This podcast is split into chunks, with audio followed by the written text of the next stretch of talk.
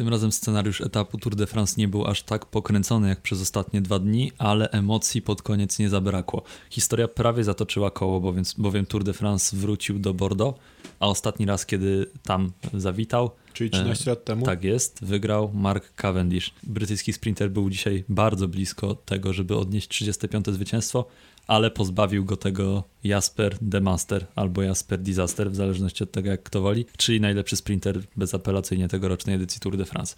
O tych dwóch zawodnikach, dżentelmenach, porozmawiamy w dzisiejszej odsłonie podcastu Arrive, a dokładniej porozmawiają Bartek Kozyra i Kacper Krawczyk. Zapraszamy do słuchania.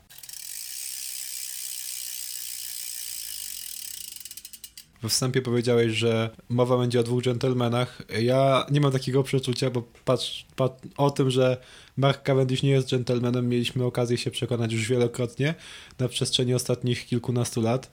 E, choćby e, wydarzenia z, sprzed 18 czy 19 etapu Wielkiej Pętli z 2021 roku zdają się zaprzeczać e, tezie o, o Marku Cavendishu jako no, dżentelmenie. te wszystkie rozboje sprzed lat, jeszcze z tak. czasów tam HTC na przykład. Tak, ale nie chciałem się cofać aż tak daleko w przeszłość.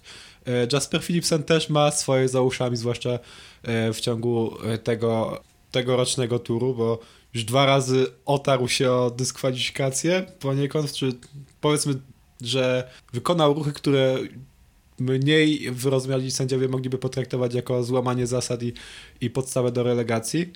Natomiast A raz jest to, że... Mathieu Van Der Poel dostał rzeczywiście relegację. Tak. Mathieu Van Der Poel, czyli jego rozprowadzający, który w sumie jest takim współautorem tego sukcesu, tych trzech sukcesów w zasadzie. To prawda. Natomiast obaj są, to nie ulega żadnym, żadnym, żadnej wątpliwości, obaj są kapitalnymi sprint, sprinterami.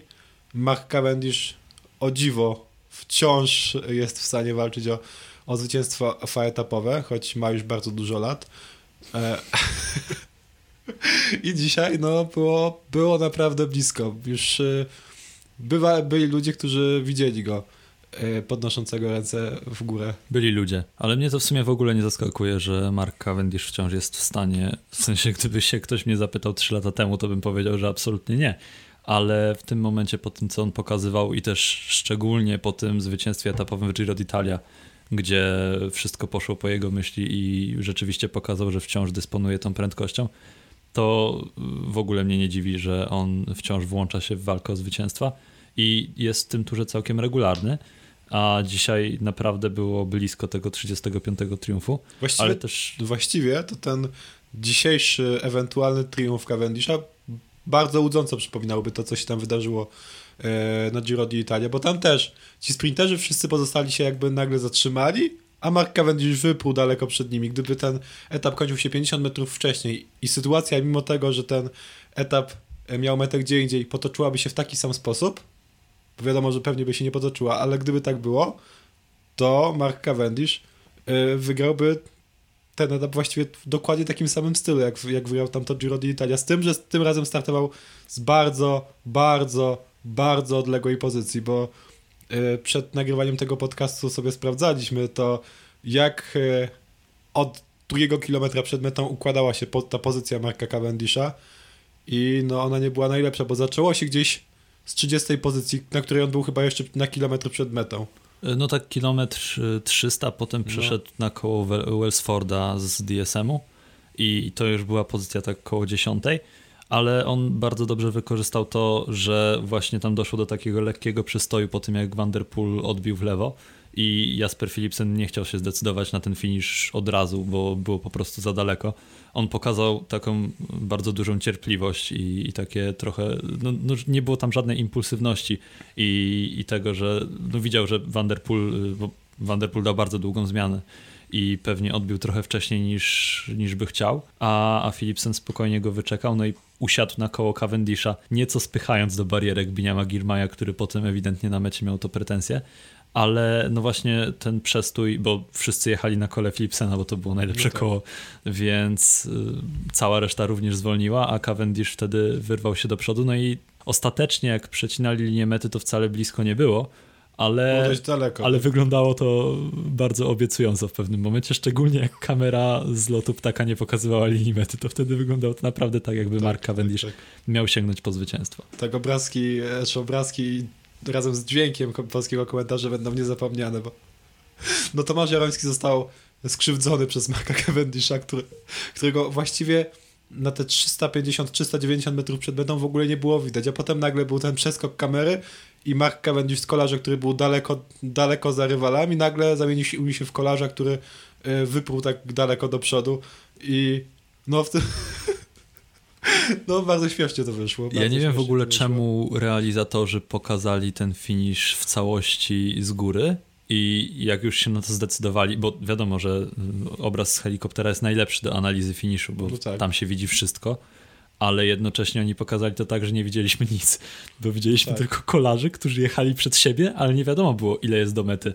I no, moim zdaniem powinni z tego wyciągnąć wnioski albo pokazywać od frontu, tak jak y, no, się to robi zazwyczaj, albo pokazywać to z szerszej perspektywy, żeby było też widać metę i może te sylwetki kolarzy byłyby wtedy trochę mniejsze, ale jednocześnie byłoby wiadomo, czy Mark Cavendish jest 10 metrów od mety, czy jeszcze mu zostało tam 100. No ale zostało mu trochę więcej niż 10, co wykorzystał bezwzględnie Jasper Philipsen i wjechał na metę tak, wyglądając tak, jakby w ogóle się nie zmęczył. Potem podjechał do busa, zaczął się ściskać e, z obsługą drużyny. No i był to kolejny znakomity finish Jaspera Philipsena, ale może zostańmy jeszcze przy tym Marku Cavendishu. Tak, bo jego zwycięstwo zach zachwyciłoby wszystkich, nawet Jaspera Philipsena. Tak, który... on sam powiedział po etapie, że no, on sądzi, że wszyscy by chcieli zobaczyć Marka Cavendisha wygrywającego. Tak, No, ale- powiedział, był dzisiaj bardzo silny, jak, jak wszyscy inni byłbym zachwycony, gdyby wygrał. Tak, no ale ekipa Alpecin nie chciała podarować tego zwycięstwa Markowi i też po raz kolejny ekipa Alpecin zdominowała całkowicie tę końcówkę, jeżeli chodzi o rozprowadzenie, bo jak, y, no, można powiedzieć, że tak trochę zamurowali to czoło peletonu, wyskakując tam na dwa kilometry do mety. To też jest ciekawe, że paradoksalnie w tej bardzo krętej, bardzo niebezpiecznej końcówce, o której mówili sami organizatorzy, znaczy może niekoniecznie mówili, że ta końcówka jest niebezpieczna, ale zwiększenie strefy ochronnej do 3,6 km o czymś jednak świadczy, nie doszło do żadnej kraksy. Przynajmniej nie takiej, którą realizatorzy by nam pokazali. Więc to też jest interesujące, że była okazja do tego, żeby te kraksy się pojawiły, a tutaj proszę, udało się uniknąć. To prawda, też e, to jest dość dobra wiadomość, że nikt nie ucierpiał. No wiadomo, Choć być może, choć być może to wynikało też z tego, że tam było w pewnym momencie widać, że kilku kolarzy zostaje z tyłu e, za tym peletonem. Wydaje mi się, że więcej niż zazwyczaj, przez to ten peleton, który dojeżdżał do mety był troszkę mniejszy niż, e, niż zwykle, bo tam Wout van Aert na przykład tak, no, odpuścił i, i był w takiej większej Mhm. grupie, która tam... razem z Paulesem. No ci, Tak. którzy nie walczyli, to po prostu nie musieli się, ta- się tam pchać, no bo to nie miało żadnego sensu. Ale powiedziałem, żebyśmy wrócili do Marka Cavendisha i zacząłem nowy temat, więc wróćmy do Marka Cavendisha i do tego, jakich on miał pomocników końcówce. No ja powiem, dla mnie najlepszy był ten obrazek z tego mostu, nie wiem, 2,3 km przed, met, e, przed metą. Oni tam sobie jechali, Cavendish był chyba na miejscu od 28 do 30 w peletonie i tam jechał obok tych swoich dwóch kolegów. Tam był na pewno Caseball i, e, i czekaj, kto tam jeszcze był? Oprócz No jeden z kolarzy Ty Astany, ale nie wiem dokładnie który, bo to był taki widok od boku i po numerze na pewno nie dało się go rozpoznać. No ja się domyślam, że to mógł być Jewgeni Fedorow. No tak, to jest bardzo prawdopodobne. E, I oni tak patrzyli, trochę bardzo bezradnie wyglądali. Tak jakby e, myśleli, no, że coś poszło nie tak i że ciężko będzie się przedrzeć do przodu. O zwycięstwie nie ma co. e, To był Gianni Moscon. Gianni, Mo, Gianni Moscon. Dlaczego on zawsze jest tam, gdzie dzieją się rzeczy absurdalne? E, nie wiem, czy to było absurdalne, no bo oni Dobrze, po prostu... to może nie, nie, może nie, ale wyglądało to śmiesznie, przynajmniej z mojej perspektywy, jak oni tak jechali za tym murem i tak patrzyli, gdzie tu można się zmieścić, ale e, problem polega na, na tym, że w tamtym momencie wydawało się, że na jakiekolwiek gruchy do przodu było już za późno i trzeba było myśleć o, ust- o odpowiednim ustawieniu się wcześniej. No tak, no a potem y, Gianni Moscon odbił i został z Markiem Cavendishem tylko Caseball. No i ten Caseball y, towarzyszył mu tam chyba do 500 metrów przed metą. z taką pomocą w końcówce Mark Cavendish raczej nie ma co liczyć na to, nie, nie powiem teraz, że nie ma co liczyć na zwycięstwo, tylko nie ma co liczyć na to, że będzie na najlepszej pozycji wchodząc, roz, rozpoczynając finish i będzie musiał właśnie liczyć albo na jakiś łód szczęścia, albo na to, że siądzie na, kolo, na koło Philipsena i że tam się utrzyma.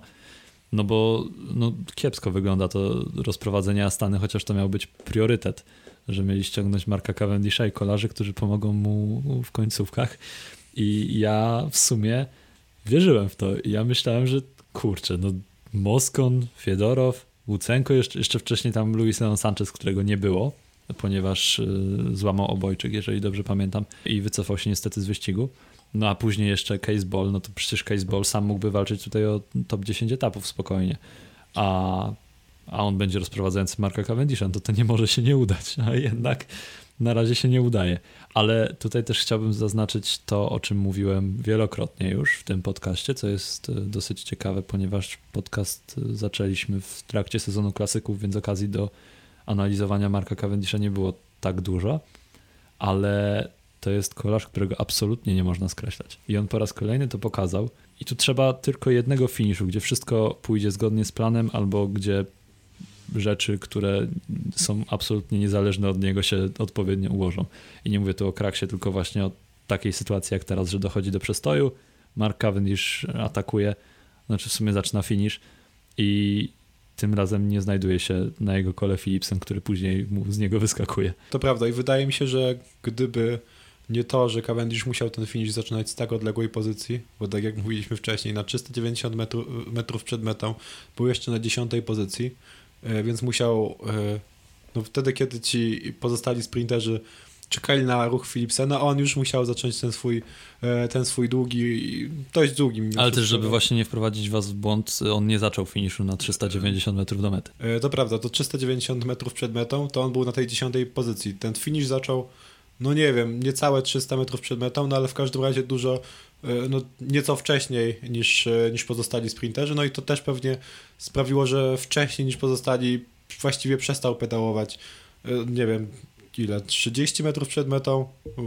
te nogi stanęły i właściwie tylko teraz można było patrzeć, czy ktoś go wyprzedził oprócz Philipsena, czy nie. Nie wyprzedził go, więc Cavendish był drugi, no, ale nie był blisko nawet zwycięstwa ostatecznie, jak wiadomo. No ale tak jak mówiłem wcześniej, to jest myślę do zrobienia w tym roku. No i to jest w sumie ostatnia szansa Marka Cavendisha, żeby pobić rekord Ediego Merksa i, i uważam, że dopóki on będzie jechał w tym wyścigu, no bo inaczej to już nie, będzie takiej opcji, to będzie w grze o ten 35. triumf i bardzo fajnym takim zwieńczeniem tego by było jakby ten 35. triumf miał miejsce w Paryżu na polach elizejskich to by była taka historia y, z cyklu kolarstwo romantyczne. Tak, tak, też mi się tak wydaje, natomiast mam nadzieję, że nie będzie czekał na, na te pola elizejskie. Wydaje mi się, że dwa lata temu, przed tym przedostatnim sprinterskim etapem e, e, Tour de France, wtedy kiedy Mark Cavendish był na fali i wygrywał właściwie wszystkie te sprinterskie odcinki, to Niektórzy mówili, że woleliby, żeby dzisiaj Cavendish sobie odpuścił i poczekał na pola elizejskie. Potem przyszły pola elizejskie i Mark Cavendish nie zajął pierwszego miejsca. Nie wiem, nie wiem czy w ogóle przyjechał w czołówce, ale to nieważne, bo wygrał e, koniec końców Wout van Aert i tylko to się liczyło. Zobaczymy, jak to się wszystko ułoży w tym roku. Natomiast niezależnie od tego, czy Mark Cavendish wygrał, e, wygra swoje, swój 35. etap w Tour de France, czy nie, to być może to miejsce na szczycie listy zawodników z największą liczbą sukcesów etapowych w Tour de France szybko straci, bo Tadej Pogaczar powiedział wczoraj w, w poetapowym wywiadzie, że zamierza pobić rekord Marka Cavendisha. Powiedział, Mark Cavendish goniecie. No i rzeczywiście goni, bo jak ja wczoraj sprawdzałem, to Tadej Pogaczar ma 10 zwycięstw etapowych w Tour de France w czterech startach, a ma też 25 lat niespełna. Więc no myślę, że. No przed nim jest jeszcze przy dobrych wiatrach, jeśli okaże się, że nie wypali się yy, bardzo szybko, a raczej będzie długowiecznym kolarzem, to przed nim jeszcze 10 edycji Tour de France. No tak, więc jeżeli będzie dalej wygrywał tak po 2-3 etapy na start, to rzeczywiście może się do tego Marka Cavendisha zbliżyć, ale to też pokazuje, jak niesamowity jest ten rekord wyśrubowany przez Cavendisha i Merksa, że my mówimy tutaj o Pogaczarze, który ma na tym samym poziomie jeździć jeszcze przez 10 edycji i że wtedy być może uda mu się pobić ten rekord.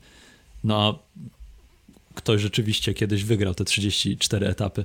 I no, Mark Cavendish na przykład w 2009 roku przecież wygrał 6 odcinków turu. To było 14 lat temu i teraz wciąż walczy o to, żeby po raz kolejny zanotować zwycięstwa. E, a a propos tych. Oczywiście, co, to, to niby brzmi bardzo niesamowicie, bo no, to robi wrażenie gigantyczne, ale jestem, znaczy jestem pewien, że Mario Cipollini w Giro d'Italia wygrywał jeszcze więcej razy. 37 chyba, albo 42. 42. 42 a w rekord Vuelt chyba też jest trochę większy, aczkolwiek teraz to muszę zweryfikować. No tak, ale wiesz, Tour de France to no jest no tak, tak. największy prestiż, więc tutaj myślę, że akurat w tym przypadku te 34 zwycięstwa są więcej warte niż tamte 42, moim yy, zdaniem. w sumie bardzo możliwe, bo na Tour de France yy, no, co roku mimo wszystko przyjeżdżają zawodnicy nieco lepsi niż na Giro d'Italia. W tym roku na przykład pamiętamy, jaka była stawka sprinterska. E, Johnny Milan wygrał w końcu dwa etapy, czy jeden? Chyba dwa. dwa. Coś mi się tak wydaje. E, no, to nie świadczy bardzo dobrze o, o liście startowej tego wyścigu. Ale z drugiej strony ktoś może powiedzieć, że stary Mark Cavendish tutaj jest drugi. I tak też można powiedzieć, że lista startowa turu, turu jest kiepska, ale nie jest kiepska. Tutaj są praktycznie, no, z większość sprinterów nie ma takich zawodników, którzy w swoich drużynach mają lepszych e, sprinterów, jak na przykład lepszych albo bardziej faworyzowanych, jak na przykład Tim Merlier i Fabio Jakobsen. Ponieważ ja wiem, że Fabio Jakobsen miał kraksę i że cierpi pewnie teraz z powodu tych licznych otarć, ale patrząc na to, co robi ekipa Quickstep w tym wyścigu, albo właśnie właściwie to, czego nie robi w końcówkach sprinterskich, to można się zastanowić, czy nie, nie lepszym wyborem byłby jednak ten Tim Merlier, nie. który w tym sezonie moim zdaniem prezentował przynajmniej na początku o wiele lepszą formę od Fabia Jakobsena. Na początku tak, ale ostatnio przestał. No, ale jak go biorą na Tour de Suisse, to... No mógł się lekko chłopaczyna zdemotywować, zdemotywować i też fakt no i też on nie musi nie miał, formy no tak. przygotowywać na, na lipiec. No tak, ale też e, musisz pamiętać o tym, że Fabio Jakobsen przyjechał tak właściwie na ten Tour de France w całkiem niezłej formie, no bo przecież e, nie, no jakiś miesiąc temu e, za, dwa razy wygrał etap Balła Belgium Tour. No, nie no, przyjechał na, y, na ten tour w całkiem dobrej formie, no był czwarty na pierwszym etapie, ale później no, była ta kraksa, która nie była zależna od niego, a teraz był 15 już po kraksie, no tam... ale bardziej mi tu chodzi też, wi wiadomo, że dałem ten przykład Merlier Jakobsen, bo moim zdaniem Merlier jest szybszym sprinterem, ale, no, ale, też chodzi o całe zachowanie ekipy i o to, że on w, w końcówce etapów nie ma w ogóle pomocy. I dzisiaj, nie wiem, Morkow był na zmianie, na zmianie, na czele peletonu jakoś ponad kilometr przed metą.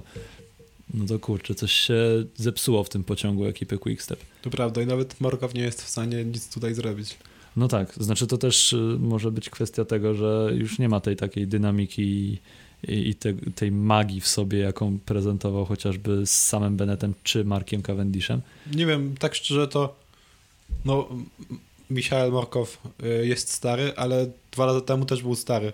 Być może rzeczywiście jest trochę mniej dynamiczny, to, to jest bardzo prawdopodobne, e, no ale być może to, jest, to nie jest kwestia tego, a raczej faktu, że po prostu nie ma przed sobą zawodników, którzy pomogliby mu w rozprowadzaniu te, tego Jakobsena. Samem, sam nie jest w stanie zbyt wiele zwojować, o czym właśnie dzisiaj się przekonał Mathieu van der Poel, bo tak jak mówiliśmy, przez to, że E, przez to, że nieco wcześniej musiał zacząć swoją zmianę, to nieco wcześniej musiał ją zakończyć i, i w tym pociągu e, i w tym pociągu Philipsena się pojawiły pewne komplikacje, bo Philipsen nie mógł od razu wyskoczyć z koła e, Vanderpoola, tylko, tylko musiał chwilę poczekać. Tutaj może być podobnie z tym Markowem, tylko że w dużo większej skali. No, znaczy też ja widziałem oczywiście kolarzy Quickstepu, nie dzisiaj, bo dzisiaj ich nie było, ale ostatnio jak Yves Lampard tam przeciągał, ale no to nie jest ta siła i, i moc tego pociągu, którą widzieliśmy przed kilkoma laty, kiedy Quickstep był znany z tego, że był ekipą sprinterską i teraz tak samo jak widzimy to w klasykach, tak wśród sprinterów też y, Quickstep wygląda coraz gorzej. Wiadomo, że mają nazwiska, ale jednocześnie nie ma już takiej potęgi. Ale siły i potęgi nie ma też na przykład Bora Hansgrohe. Tak dzisiaj zwróciłem uwagę. Trochę mnie to rozbawiło, jak widziałem dwóch kolarzy Bory. W końcówce to był Denny Van Poppel i oczywiście Jordi Meus, którzy powinni mieć na kole lepszego sprintera jeszcze, a, a nie mają. Po prostu oni, sobie, oni się zorientowali, że e, no, nie ma kogo rozprowadzać, to odpuszczamy chłopaki. A szkoda, bo ma kto tam rozprowadzać. Tam przecież jest, tak naprawdę Bora mogłaby mieć pięć zawod, pięciozawodnikowy pociąg. No, dzisiaj, no, no cztero. No dobrze, cztery, ale jakby jeszcze nam był jeden sprinter no to e, prawdziwy, to Byłby pięcioosobowy, byłby a pięcioosobowy, tak to... bo przecież Jordi Meus ani Danny Van Poppel to nie są prawdziwi sprinterzy. No tak, Jordi Meus to jest taki bardziej wytrzymały kolarz i, i to jest po prostu średni world sprinter. To nie jest zawodnik na wygrywanie etapów Tour de France i teraz pewnie się okaże, że za, w przyszłym tygodniu Jordi Meus wygra etap Tour de France, ale na, na tę chwilę wygląda to tak, że no Bora Hansgrohe przestrzeliła, o czym też już mówiliśmy, przy okazji chyba podcastu numer 3, ale o tak. tym albo, tak. albo dwa. W każdym razie mówiliśmy o tym. Właściwie to chyba w obu tych przypadkach o tym mówiliśmy, bo to się rzuca w oczy. Tak, to jest e, bardzo widoczne, a dzisiaj Jordi Meus był aktywny w tych finiszach. No bo też brał udział w sprincie na lotną premię.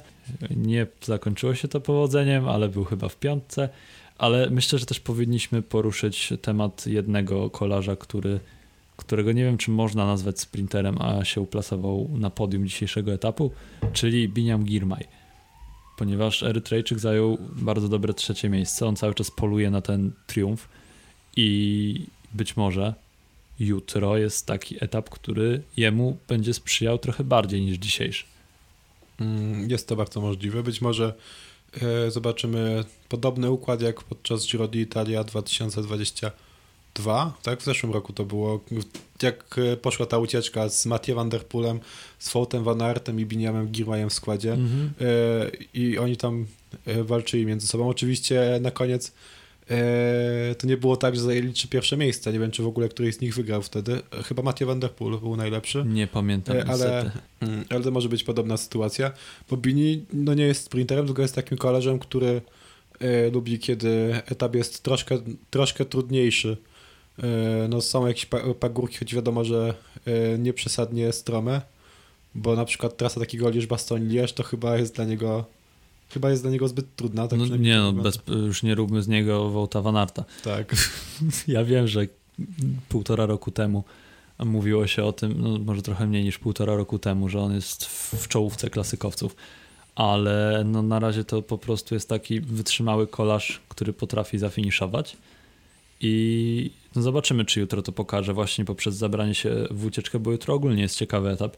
E, bo może zarówno dojechać peleton jakiś taki troszeczkę rozciągnięty albo nawet przerzedzony, albo może być ucieczka i ucieczka właśnie z takimi kolarzami jak Wout, Matie czy chociażby Biniam Girmay. Ale nie wiem, czy Jasper Philipsen będzie chciał to wypuścić z rąk. E, kolejne zwycięstwo. Czekaj, myślisz, że jutro Jasper Philipsen ma szansę na zwycięstwo? Moim zdaniem tak. To jest będzie... kolarz wytrzymały, bardzo wytrzymały. A te fałdki w końcówce to nie są takie, żeby położyły Jaspera Philipsena moim zdaniem. Nie wiem, moim zdaniem może być ciężko, tym bardziej, że no właśnie, ta, tą ucieczkę będzie trudno skontrolować. Znaczy na pewno Alpesin nie będzie jej kontrolował, jeżeli tam będzie Matej van der Poel. No tak. To z pewnością. Ale nie, no tak zupełnie a, poważnie. W tej, to... w tej ucieczce musi być Matej van der Poel. E, Bo to no, jest dla tak... niego idealna szansa na zwycięstwo. To prawda. E, więc no zobaczymy, jak to rozegra Alpesin, bo też będzie miał pewnie pewnego rodzaju dylemat. Ale, ale w sumie, jak tak się teraz zastanawiam, to wcale nie musi mieć dylematu. Ślą jednego w ucieczkę, drugi siedzi w peletonie. Jak ktoś się ruszy, to się ruszy, a jak nie, to Matej Van Der Poel powalczy o etap i, i nic złego się nie stanie wtedy. Ale ja teraz szukam, tak e, mówię trochę bez ładu i składu, bo szukam e, takiego podobnego etapu, gdzie Jasper Philipsen pokazał to, że potrafi przetrzymać takie wspinaczki. No i widzę na przykład, e, tam były nieco krótsze podjazdy, ale w Belgii na e, Lotto Belgium Tour e, w tym roku, ojejku, Balua Belgium Tour, Lotto to kobiecy wyścig. Jasper Philipsen tam rzeczywiście poradził sobie na tych podjazdach w końcówce. No i też nie zapominajmy, że to jest kolarz, który był czwarty w Dwarsdorf-Landeren. Więc no, to nie jest taki pierwszy lepszy kij od kaszanki. No nie, jest, jest wytrzymałym sprinterem, ale wydaje mi się, że też na, tym, na trasie tego rocznego turu jest po prostu kilku kolarzy, którzy akurat na tego typu trudnej trasie są w stanie w końcówce pokazać więcej. Znaczy, tak, ale jak z drugiej strony do, dowiozą go w kołach do tej końcówki, to naprawdę nie wiem, czy na takiej lekko wznoszącej się szosie na finiszu e, będzie wielu kolarzy, którzy mogą być od niego szybsi. No bo co, mamy Wołta, mamy Matija van der Pula, który jest z nim w jednej drużynie, zakładając, że będzie finisz z grupy. E, jest Mats Pedersen, Brian Kokar, ale wątpię, że Brian Kokar byłby lepszy od Brian Kokar, Brian Kokar na tego typu e, końcówkach, może delikatnie trudniejszych, ale takie też są ok. E, jest naprawdę mocny. Nie, no jest, na, dlatego go wymieniłem, tak, ale nie sądzę, myślę, że... że... jest mocniejszy od Jaspera Philipsena, bo ja Jasper Philipsen to nie jest typowy sprinter, tylko no, to jest y, kolarz, który jest wytrzymały nie tylko w takim kontekście, że potrafi zaatakować i wygrywać po odja odjazdach, albo zajmować wysokie pozycje, jak to miało miejsce na Paryż-Roubaix, czy chociażby w Bruges de Pane, bo właśnie tam y, najpierw Jasper Philipsen wygrał Bruges de a później był drugi, przegrywając tylko z Mathieu van der Poel. A ja bym się nie zdziwił, gdyby na przykład taki Tadej Pogaczar go pokonał tam. No ja bym się bardzo zdziwił. E, to mogło być wtedy tak jak na etapie Tour, e, Tirreno Adriatico 2019, wtedy kiedy Julien Alaphilippe był takim Tadejem Pogaczarem, tylko w wersji e, 0.1, bo Tadej Pogaczar to jest wersja 2.0 e, i tam był taki etap, gdzie z jednej strony finiszował Elia Viviani, z drugiej e, Julien Alaphilippe, obaj e, z, z tego samego zespołu, Elia Viviani zdecydowanie mocniejszy niż dzisiaj i mocniejszym z tej dwójki okazał się Ala Filip. Ja jeszcze widziałem, to tak swoją drogą pamiętam finish, gdzie też Elia Viviani finiszował ze swoim kolegą z drużyny i to był etap Tour de San Luis, wtedy jeszcze nie San Juan. E, to I... chyba są, to nie są dwa, dwa różne wyścigi? To oczywiście, a nie wiem. E, właśnie jeden pojawił się tuż po upadku drugiego, ale e, nigdzie nie widziałem informacji o tym, żeby to była kontynuacja. E, no to być może nie, w takim razie się pomyliłem, ale... Oczywiście piszcie w komentarzach, jeśli macie inne informacje na ten temat. Ale y, o czym chciałem powiedzieć, to to, że tam y, finiszował tuż za Jakubem Mareczko i obaj ścigali się wtedy w barwach reprezentacji Włoch. I Elia Viviani nie był zbyt szczęśliwy z tego powodu, że etap wygrał Jakub Mareczko, no ale dzięki Kiedy, temu... Który to był rok? E, to był rok chyba szesnasty jeżeli dobrze pamiętam.